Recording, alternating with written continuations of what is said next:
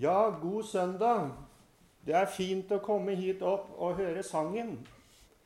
Eh, skulle gjerne stått her hele tiden mens dere sang, men eh, det, det, er ikke sånn vi bruker å gjøre. Så det går ikke an. Men eh, det er veldig fint. Og så er det fint å samles i dag, fordi i dag er det Herrens dag. Det ordet brukte de, det uttrykket brukte de de første kristne.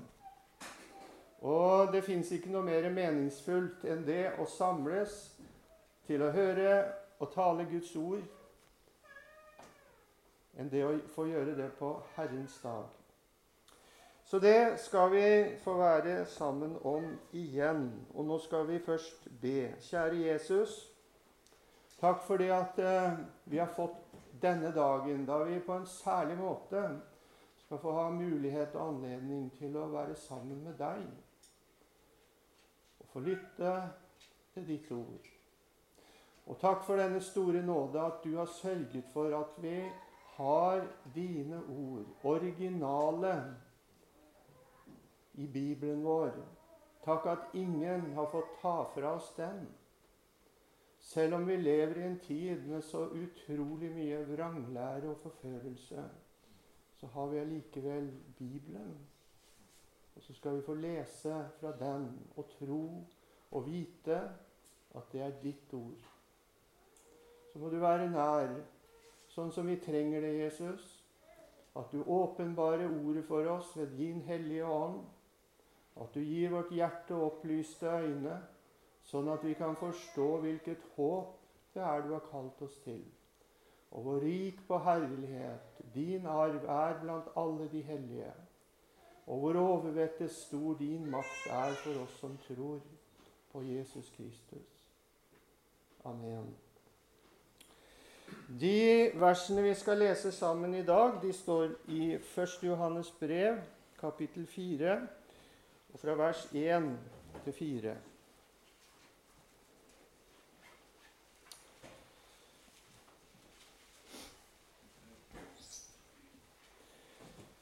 Mine kjære, tro ikke enhver ånd, men prøv åndene om de er av Gud. For mange falske profeter er gått ut i verden. På dette skal dere kjenne Guds ånd. Hver ånd som bekjenner at Jesus er Kristus, kommet i kjød, er av Gud. Og hver ånd som ikke bekjenner Jesus, er ikke av Gud. Dette er antikristens ånd, som dere har hørt skal komme, og den er allerede nå i verden. Mine barn, dere er av Gud og har seiret over dem. For han som er i dere, er større enn han som er i verden. Og Her er det altså denne store fare med falsk og forførende Jesus-forkynnelse som apostelen advarer mot. Og så legger vi merke til denne omsorgen og kjærligheten som lyser fram når han skriver til oss 'Mine kjære, mine barn'. Og vi skal lov, ha lov til å tenke at dette er ikke bare adressert til disse den gangen, men det er like mye nå, i dag, til oss. Fordi det er ikke bare Johannes som holder i denne pennen som skriver, men det er Jesus. Han som lever, han som sitter ved Faderens høyre hånd for deg og meg. Og nå er det han som møter oss med disse ordene, mine kjære mine barn. Det er fint. Det er omsorg. Det er kjærlighet i det han møter oss med. Og så sier han da Tro ikke enhver ånd. Og med det så vil han altså si du må ikke tro på enhver, altså alle og enhver som vil være åndelig og forkynner og lærer om Jesus, og om Gud. For her skal du legge merke til at han sier 'tro ikke enhver ånd', og så står det med liten å. Og i denne sammenheng og betydning så er det nettopp dette det handler om. Mennesker som vil være åndelige på den måten at de taler til oss om Gud, om Jesus, om Guds rike. Og så sier han det du må ikke tro på alle og enhver. Og du må ikke tro at all tale om Gud om Jesus er rett. For, sier han, mange falske profeter er gått ut i verden. Og det betyr den gang, og det betyr nå. Og de som er falske, falske profeter, det er altså de som formidler et budskap som ikke er sant, som ikke er rett. De taler om Gud og om Jesus, men de taler ikke rett. Du husker kanskje den, eh, hva Gud sier til, til Jobb. Hvem er den som formørker mitt navn ved å tale falskt om meg, vrangt om meg? Det går an, det. Og det er det mange som gjør. Og når det tales her om ånd Det er litt viktig å være klar over det. Fordi det betyr altså vi mennesker er ånd på den måten at vi er i stand til å tale og formidle et budskap som påvirker oss i tanke, i kunnskap og dermed også i vår tro. Det er det det betyr.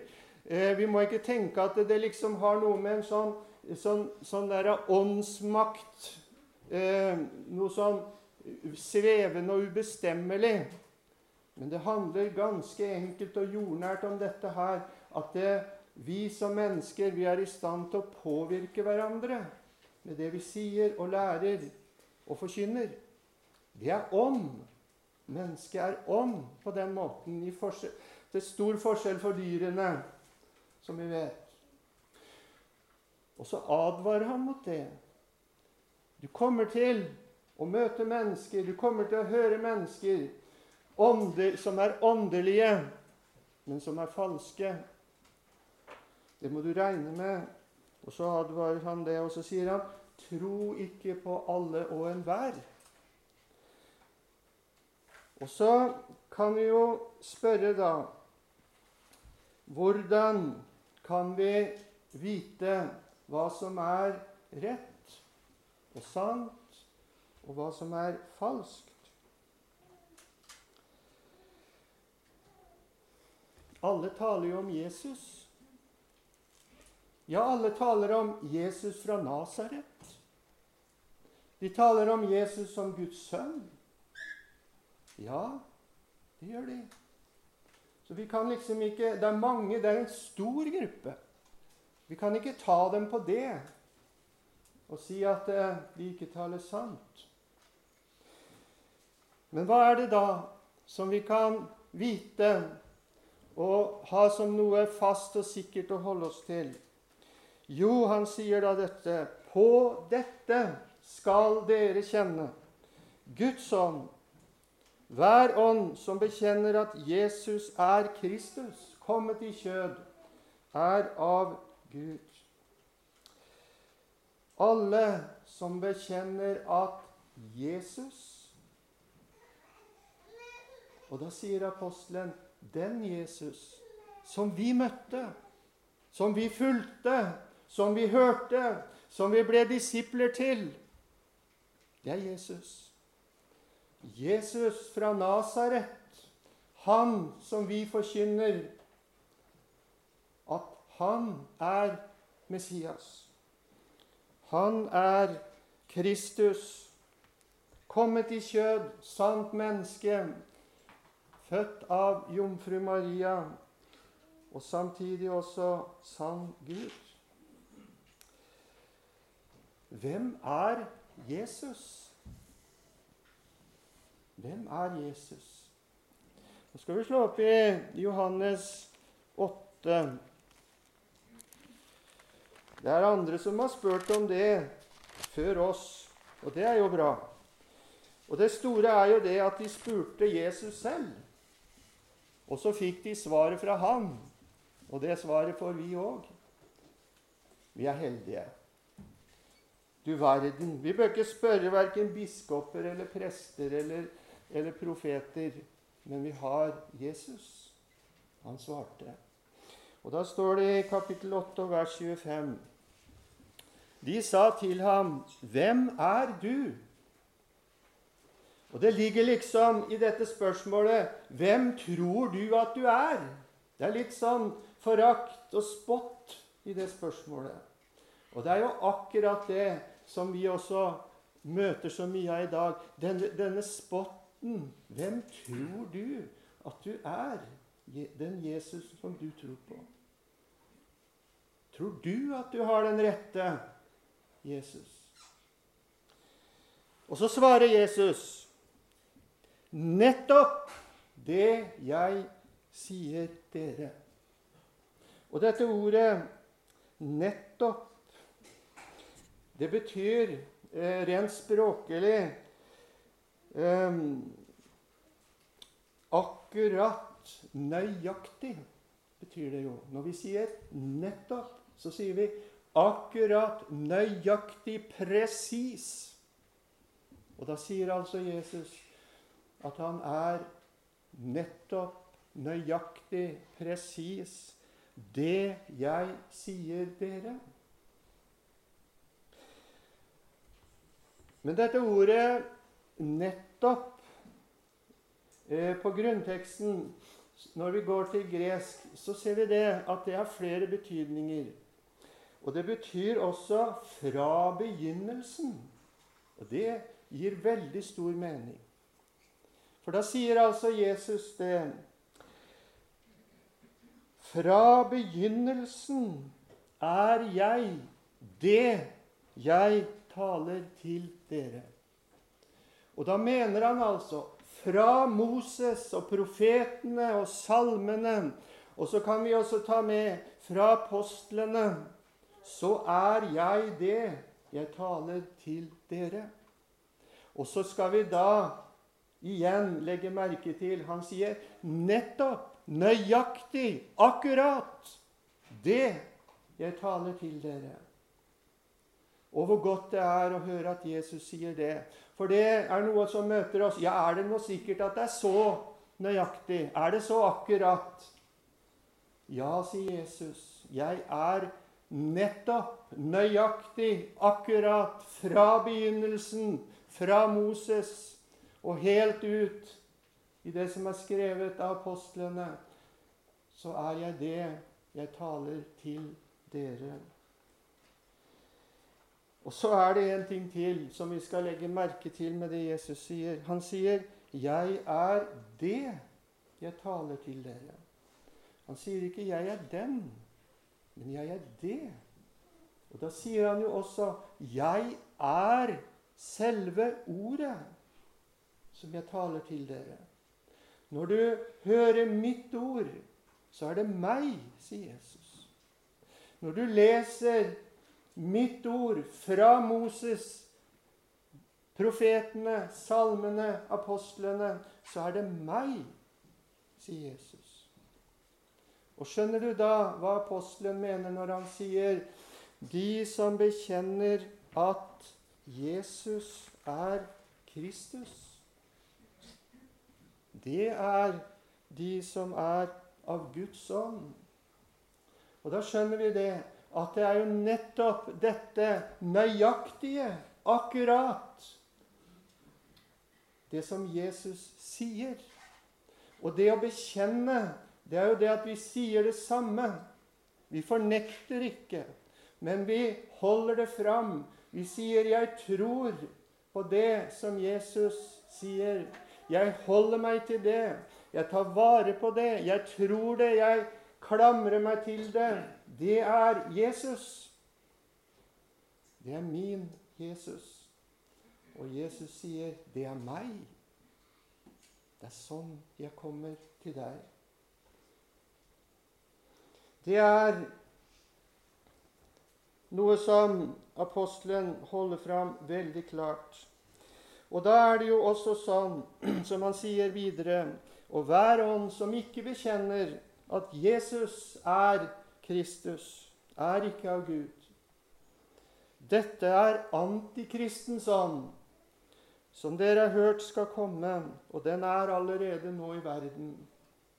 Altså, hva gjør disse som er og som hører inn under det som apostelen kaller for antikristens ånd?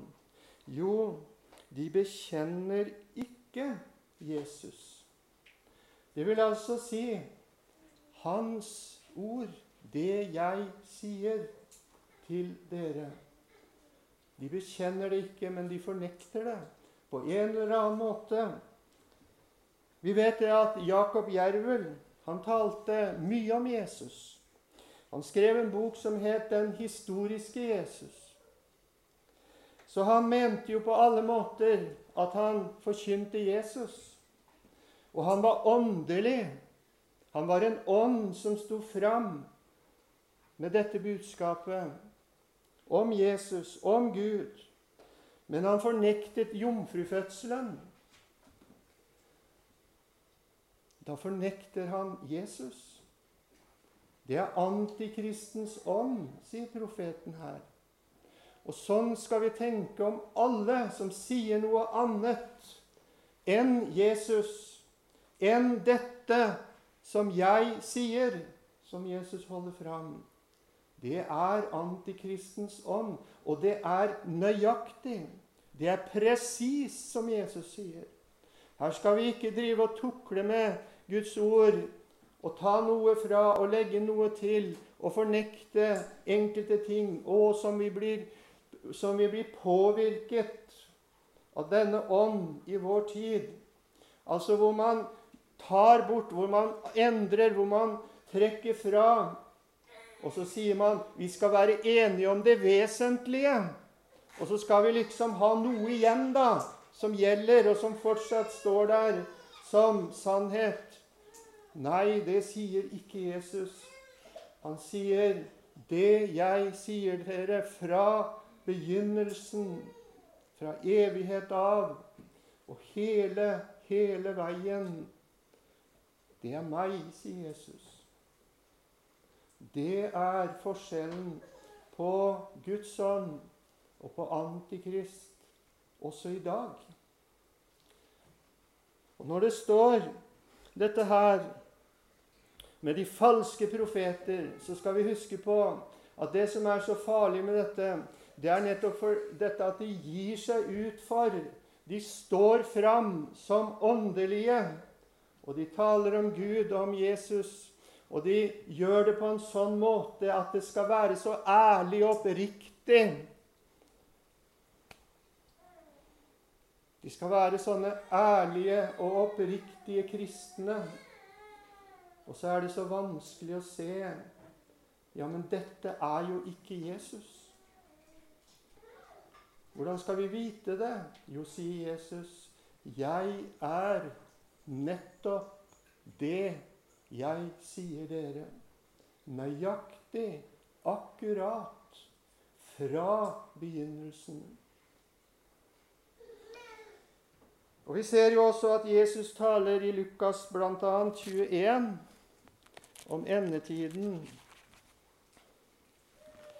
Og da beskriver han med rene ord det vi er midt oppi i dag, i vår tid.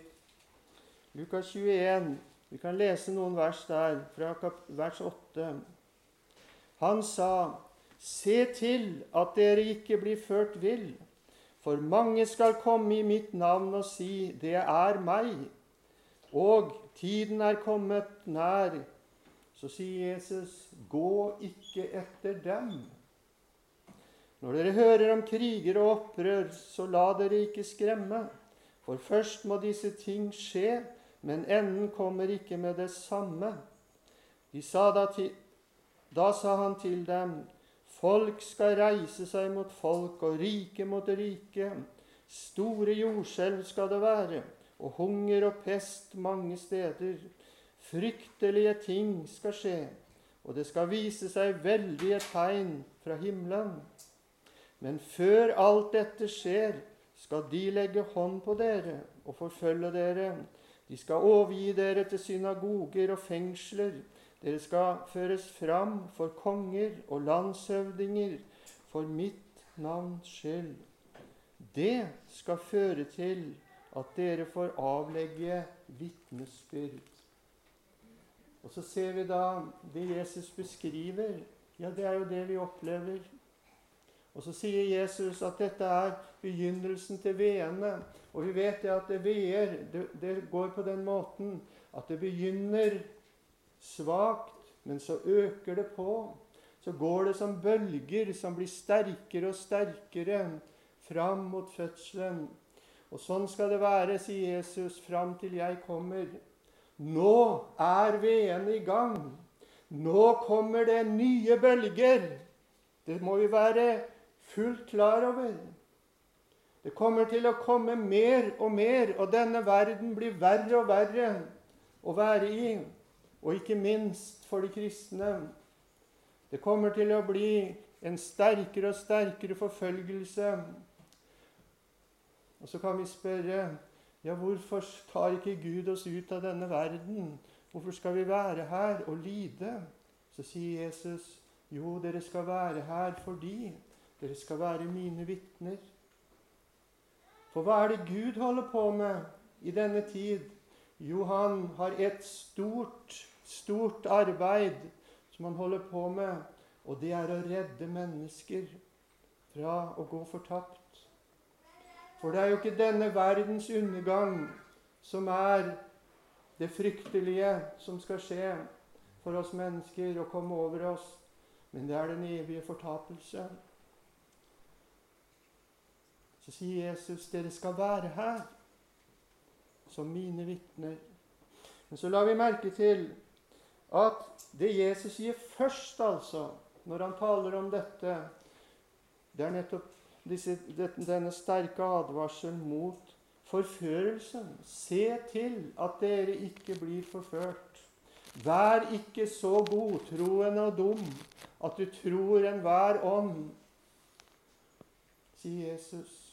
For det kommer til å bli mye forførelse. Og For meg så står det veldig sterkt og klart at det er umulig å snakke om forførelse i vår tid uten å snakke om den forførelse som skjer gjennom musikken i de kristne sammenhenger i dag. Og Det er umulig for meg nå å si noe mye om det, men at vi skal være klar over det. At musikken det er noe av det sterkeste virkemiddelet den onde har for å forføre mennesker bort fra Jesus. For også i det er det ånd.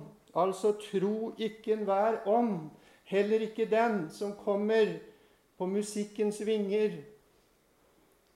Det er dere som hører Jesus til. Det er forførelse også der. En veldig forførelse. Og de kristne de har, de har blitt tatt skikkelig på senga når det gjelder musikken. Altså, De har stått på barrierene på så mange måter når det gjelder Skriften og, bekjennelsen og mange av disse tingene, og så har døra stått fullt åpen for musikken som har kommet inn i de kristne menighetene og forfører menneskene i hopetall. Hvorfor det? Jo, de, de bekjenner ikke at Jesus er Kristus. På hvilken måte? Det setter mennesket i sentrum. Kjødet, følelsene, kroppen, det du opplever på den måten, kommer i sentrum. Det er hovedsak, det er virkemidlet som brukes i musikken. Mye av det som er i gjengs i dag. Og hva er det Jesus sier? Han sier det det er Ånden som gjør levende. Kjødet gagner ikke noe. De ord jeg har talt, er ånd og er liv. Det er ordet som er det virkemidlet som Guds ånd bruker. Hvilket ord? Jo, det som Jesus sier. Det jeg sier dere. Og så blir altså ordet erstattet, fortrengt, av musikken og virkningen som vi får gjennom den. Og så får vi denne musikkskapte oppbyggelse som forfører menneskene i dag. Forferdelig. Og Da vil jeg bare gjøre oppmerksom på å minne om det som står i lov og evangelium nå. Det er virkelig til å få forstand av, hvis du vil sette deg litt mer inn i det. Ja, det var nødvendig å si også det. Men så skriver altså apostelen videre her. Mine barn, dere er av Gud og har seiret over dem. For han som er i dere, er større enn han som er i verden. Nå sier apostelen her i kapittel 2 og vers 18.: Mine barn, det er den siste time, og like som dere har hørt at Antikrist kommer, så er det alt nå stått fram mange antikrister, og av dette vet vi at det er den siste time. Eh, antikrist skal komme, denne store antikrist som det tales om i Bibelen. Samtidig så sier ordet her at Hans ånd er virksom gjennom all forførende virksomhet. Og denne ånd forbereder og rydder vei for den store antikrist som skal komme. Det er det vi befinner oss midt oppi nå. Veldig sterkt skjer dette. Og likevel så sier apostelen til oss Se ikke svart på situasjonen. Tenk ikke at det er disse forførende ånder og onde makter som har seiret, og som har makten. Men han sier faktisk dette her Dere som tror på den sanne Jesus, dere er av Gud. Dere har seiret over dem Tenk det. Det sier han. Men så må vi da føye til Men det ser jo ikke sånn ut. Ikke sant? Det ser jo ikke sånn ut. Men da er det viktig for oss å få se, se helheten, det store bildet i dette. I denne verden er det Antikrist ånd som regjerer, som triumferer. Han legger under seg, han vinner fram, han lykkes med å erobre. Løgnen vinner mer og mer terreng. Vantroen, vranglæren, søvnen, likegyldigheten, materialismen Alt dette, det tar liksom mer og mer og mer. Verdens ånd tar stadig flere. Men over denne verden, hvor ondskapen eller denne verdens ånd rår, der regjerer Gud. Ja, han gjør det. Han er større enn han som er stor i denne verden. Jesus Kristus er herre over han. Det er han som styrer og regjerer denne verden og denne verdens ånd. Ja, Jesus er herre. Alt er han underlagt. Og Nå skal vi slå opp disse versene i Efeserbrevet 1, 19, og noen vers der.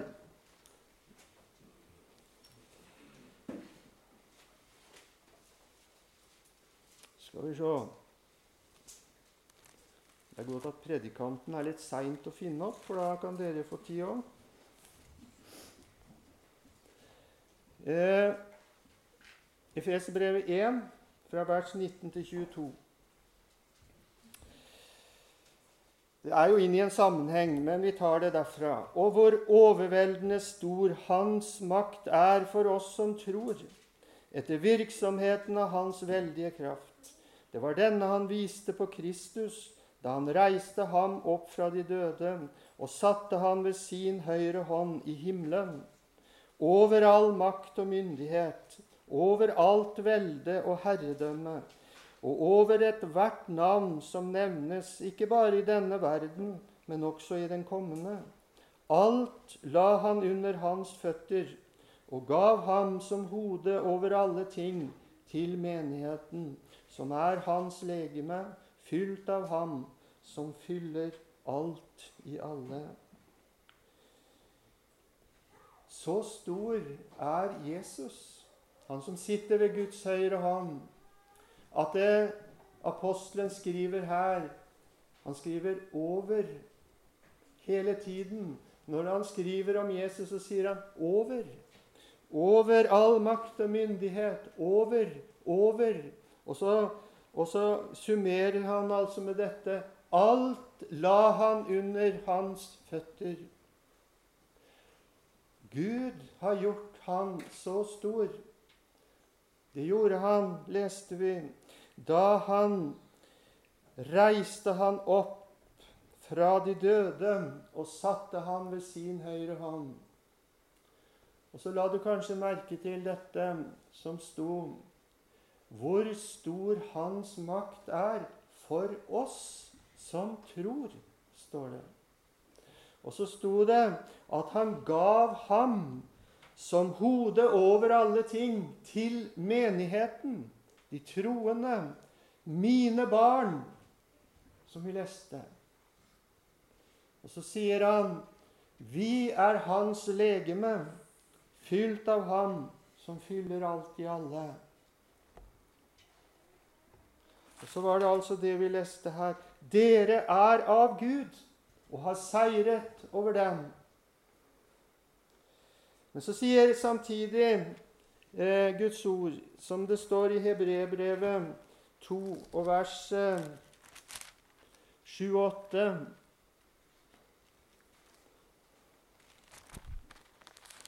For det står jo om Jesus. Eller vi kan lese bare vers 8. Alt la du under hans føtter, for da han la alt under ham, holdt han ikke noe tilbake som han ikke underla ham. Ja, det var det vi leste fra Efeserbrevet. Men så føyer han til ennå ser vi ikke at alt er ham underlagt. Og det er sånn vi må leve. Det er under de vilkår vi lever i dag. Han er over alle. Han er Herren. Men vi ser det ikke. Vi ser det ikke i denne verden. Vi ser det ikke rundt oss. Vi leser det ikke i nyhetene. Vi ser det ikke på fjernsyn. Det er ikke de store oppslag som sier oss det. Men det er sånn allikevel. Jesus er Herre. Det er Han som regjerer og styrer denne verden, slik at den verden som ligger i det onde og regjeres og beherskes av det onde, blir styrt av Jesus. Sånn er det. Det er det forunderlige. Og så er det altså sånn at det finnes noen som den onde og alle hans tjenere ikke rår med, og det er de som er av Gud. De har seiret over dem fordi de er hans, som er større enn han som er i verden.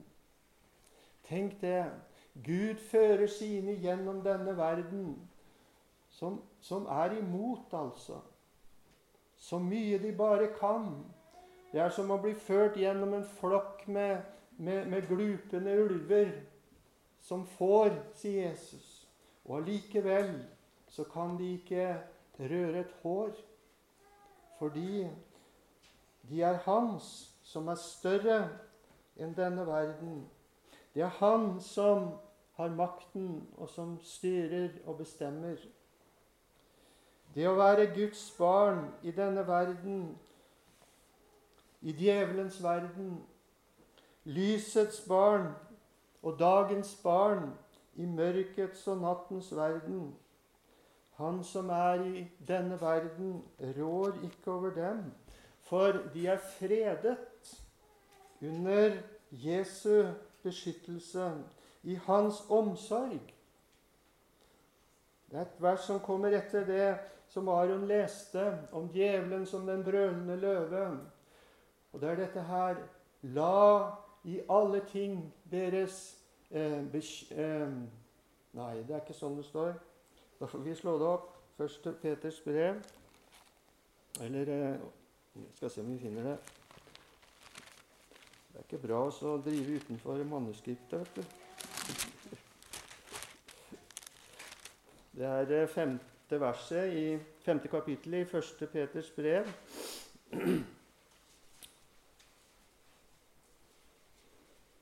Og vers 7. Det kommer foran.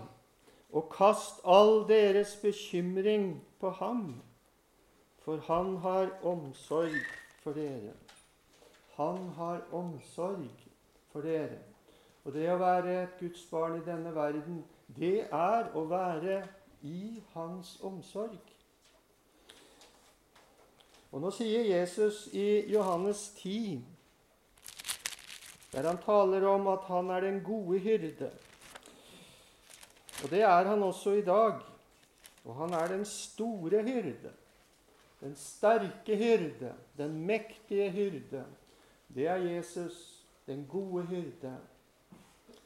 Så sier han, som vi leser i kapittel 10 og fra vers 27 Mine får hører min røst. Her har vi det igjen. Dette her med Jesu ord. Det jeg taler, det jeg taler. De hører min røst. Jeg kjenner dem, og de følger meg. Og jeg gir dem evig liv. De skal aldri i evighet gå fortapt, og ingen skal rive dem ut av min hånd. Min far som har gitt meg dem, er større enn alle, og ingen kan rive dem ut av min fars hånd. Jeg og Faderen, vi er ett. Så sier Jesus dette om sine får, sine små, i denne verden. Så gjelder det også for oss i dag. Det gjelder for slike som meg, som er snart 66 år gammel. Og det gjelder også for dere som bare har begynt på livet og vandringen her på jord.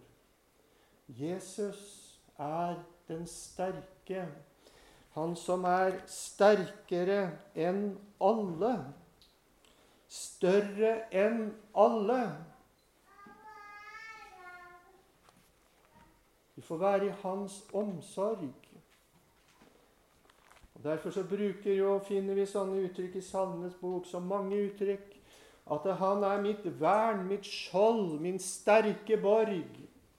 Og mange sånne uttrykk finner vi om Gud og det å få være hans i denne verden. Og så sier Jesus da i kapittel 17, der han ber denne ypperste prestelige bønn, så sier han i vers 15. Jeg ber ikke om at du skal ta dem ut av verden, men at du skal bevare dem fra det onde.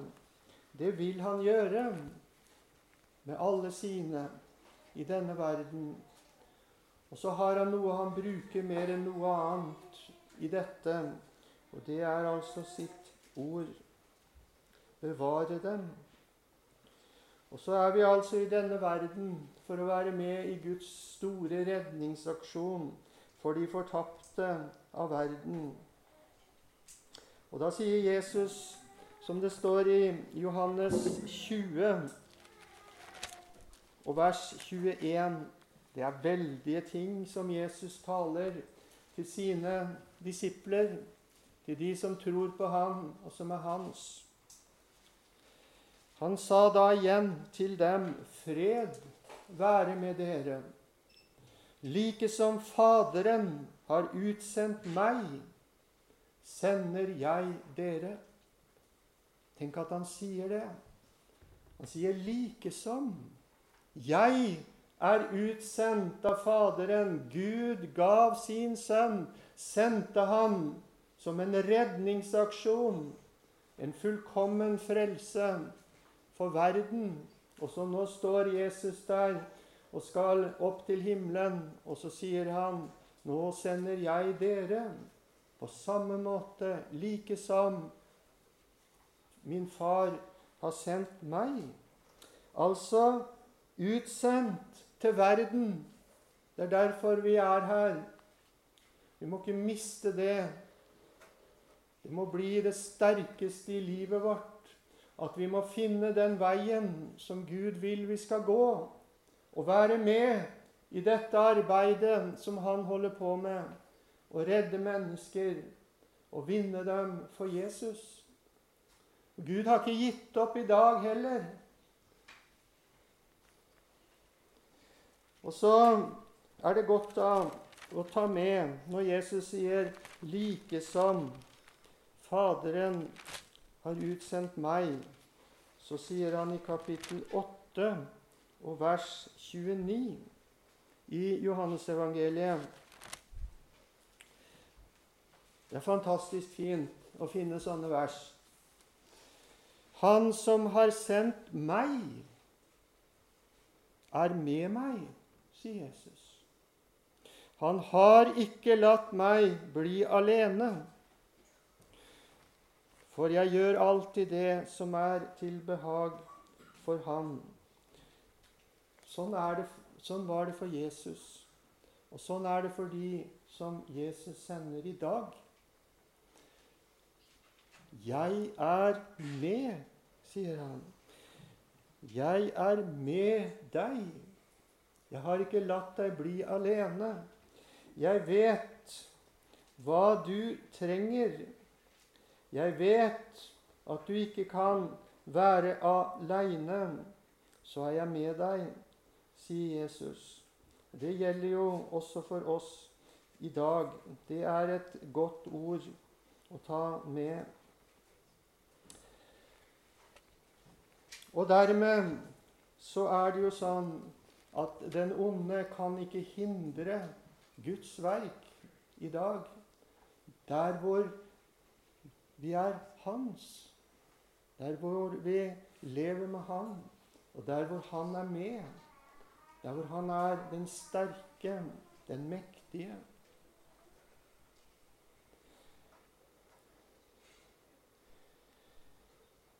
Så skriver eh, Paulus til sin gode venn Timoteus. Timoteus han begynte veldig ung, skjønner vi, å være med Paulus. Og Timoteus han var helt annerledes enn Paulus. Paulus kan virke som han var veldig sterk, fast. Han var nok ikke det i seg selv, men han var det i troen i livet med Jesus. Timoteus han eh, sleit nok og hadde det, hadde det vondt og vanskelig. Han fikk jo en veldig stor tjeneste i Efesus. Skulle være den som var eldste og leder og ha ansvaret for de kristne menighetene der. Og han følte seg nok veldig liten og svak. Det var så mye som gikk imot. Det var vranglære, det var forførelse. Det kom ting inn som ødela. Og så sto, sto Timoteus der. Og så var ikke Paulus hos han lenger. Så skriver Paulus da til han i det andre brevet, som vi leser i vers kapittel 1 og vers 7. For Gud gav oss ikke motløshetsånd, men krafts- og kjærlighets- og sindighetsånd. Og med det så sier han altså at Guds ånd er ikke motløs. Gud er ikke motløs. Han ser alt som skjer her på jorda, og hvilken vei det går den gang og nå. Og allikevel så er han ikke motløs. Fordi han gjør fortsatt sin gjerning, og han gjør det han vil, og får utrettet akkurat det han vil. Og så sto det at han er, han er krafts og kjærlighets- og sindighetsånd. Jeg skal bare si litt om dette ordet sindighet. Det å være sindig eh, Paulus skriver om det i Rombrevet 12 og, og vers 3. Eh,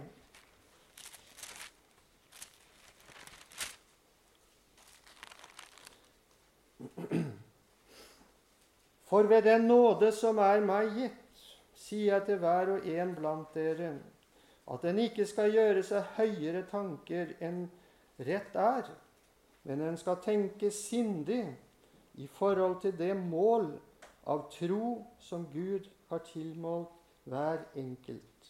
Altså det å være sindig, det er å ha den forstand at man ikke tenker for høye tanker, og ikke har for store mål og forventninger, men holder seg innenfor den begrensning som er gitt for hver enkelt av oss. For vi har alle våre begrensninger på forskjellig vis. Og eh, så er det altså Gud som har satt og gjort det sånn. Og da er det å være sindig Det er som Paulus sier her, altså du ikke skal tenke høyere tanker om oss selv og hva vi skal kunne utrette og være med på, og hva som skal kunne skje, enn det som faktisk er innenfor det målet som er gitt oss. Og Det er godt å ha med i denne tid. Altså, Det er ikke sånn at vi skal liksom tro at alt skal vi kunne være med og utrette. Men vi skal tenke Gud har en plass for meg som passer for den, innenfor den begrensning som jeg har som menneske. Og i forhold til den utrustning som han vil gi. Og så skal vi få lov til å være med der. På den måten. Og så er det nok, det. Og så er det vår plass. Og så er vi det lemmet på hans legeme som har akkurat den funksjonen som han gir oss å ha. Og da blir det ikke sånn at vi skal tenke at alt er umulig, øh, og jeg er for liten, og det nytter ikke. Jo, Gud har en plass for hver enkelt av sine på jord. Og sammen skal vi få være med i denne store tjeneste som Han holder på med å vinne mennesker for Jesus, for himmelen, for det evige liv. Fordi det går mot Herrens dag. Det gjør det. Det store som vi har i vente, er ikke Antikrist og alt dette forferdelige. Nei, det er Herrens dag når Han kommer. Jesus, menneskesønnen. Og da skriver Peter, og det skal vi avslutte med, i 2. Peters brev 3, 10-13 Men Herrens dag skal komme som en tyv, og da skal himlene få gå med veldige brak, og himmellegemene skal komme i brann og gå i oppløsning, og jorden og alt som er bygd på den, skal brenne opp. Da, når dette går i oppløsning, hvor viktig er det da at dere ferdes i hellighet og Guds frykt, mens dere venter på at Guds dag skal komme, og fremskynder den? Da skal himlene oppløses i ild, og himmellegemene brenne um, Skal vi se Og himmellegemene smelte i brann. Men vi venter etter Hans løfte nye himler og en ny jord hvor rettferdighet bor. Tenk for en Gud. Kjære Far, vi takker deg for ditt uendelige, fantastiske råd for oss mennesker, for hver og en. Og takk, Herre, at du sendte din sønn, for at hver den som tror på Han, ikke skal fortapes, men ha evig liv. Og så ber vi da, Herre, at du ved din ånd og ditt ord holder oss våkne og edrue i denne tid. Og at vi må høre deg og bli i ditt ord.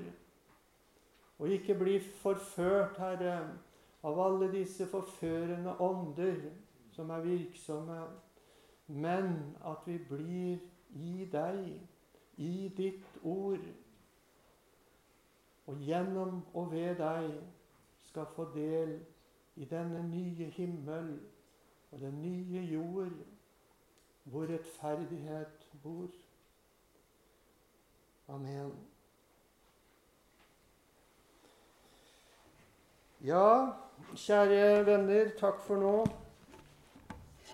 Dette var siste møte, og, og eh, det har vært fint å være sammen med dere her. Og det som er så flott når vi har et stevne, det er at, det at vi, for, vi, som er predikanter, vi kan også få sitte og høre. Og det er veldig godt. Så det er jeg veldig glad for. Og takk til hver enkelt som har vært med her, og eh, dere som har eh, vært med og tatt eh, arbeidet med å arrangere på forskjellige måter. Takk for nå.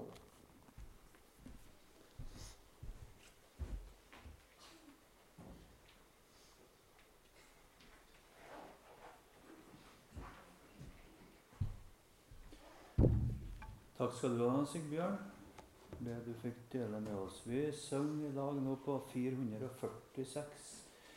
446. Jeg vil stride, gjerne lide for min salighet. Og når vi har sunget den, så får vi to sanger av Liv Jorunn og Martin. Og Martin har vitnesbyrd.